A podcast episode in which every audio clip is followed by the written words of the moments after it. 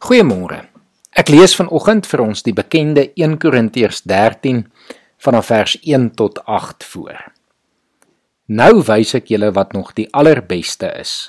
Al praat ek die tale van mense en engele, maar ek het geen liefde nie, het ek 'n stuk klinkende metaal, 'n galmende simbaal geword.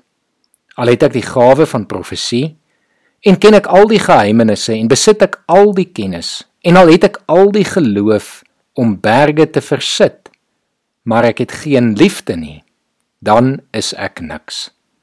Al deel ek al wat ek het aan ander uit en al gee ek my liggaam prys om my daarop te kan beroem, maar ek het geen liefde nie, baat dit my niks. Die liefde is geduldig. Die liefde is vriendelik. Dit is nie afgunstig nie, is nie grootpraterig nie is nie verwaand nie. Dit handel nie onwelvoeglik nie. Soek nie sy eie belang nie. Is nie lig geraak nie. Hou nie boek van die kwaad nie. Dit verbly hom nie oor onreg nie, maar verheug hom oor die waarheid. Dit bedek alles, glo alles, hoop alles, verdra alles. Die liefde vergaan nooit nie. Baie mense ken hierdie gedeelte. Omrede hulle dit of in die konteks van 'n romantiese liefde gehoor of gelees het of hierdie gedeelte lees en dink dit vertel van ons vir ons van God se liefde en hoe God ons liefhet. 'n onvoorwaardelike perfekte liefde.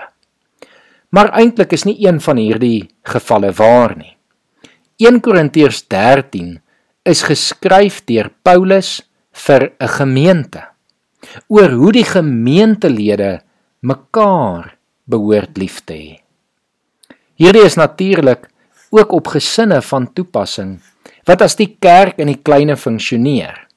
Dit is in gesinsverband waar ons 1 Korintiërs 13 kan en moet inoefen sodat ons dit ook met ons groter huishouding in 'n gemeente kan uitleef. Ek wil jou vra om vandag saam met jou gesin 1 Korintiërs 13 te gaan lees en dan daaroor te gesels.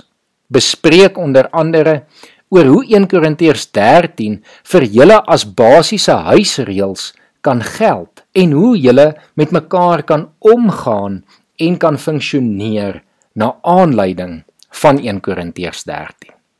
Mag dit 'n geseënde gesprek wees waar elkeen van julle in julle huishouding 1 Korintiërs 13 kan gebruik om dan ook vir mekaar lief te wees. Kom ons bid saam. Here baie dankie vir hierdie kosbare hoofstuk in ons Bybel. Here dat dit vir ons leer hoe liefde lyk en hoe waardevol en belangrik liefde is. Here mag U die gesprekke wat in huishoudings gaan plaasvind rondom 1 Korintiërs Mag U dit seën, mag U dit gebruik en mag dit goed wees vir elke huishouding. Ons bid dit in Jesus se naam alleen. Amen.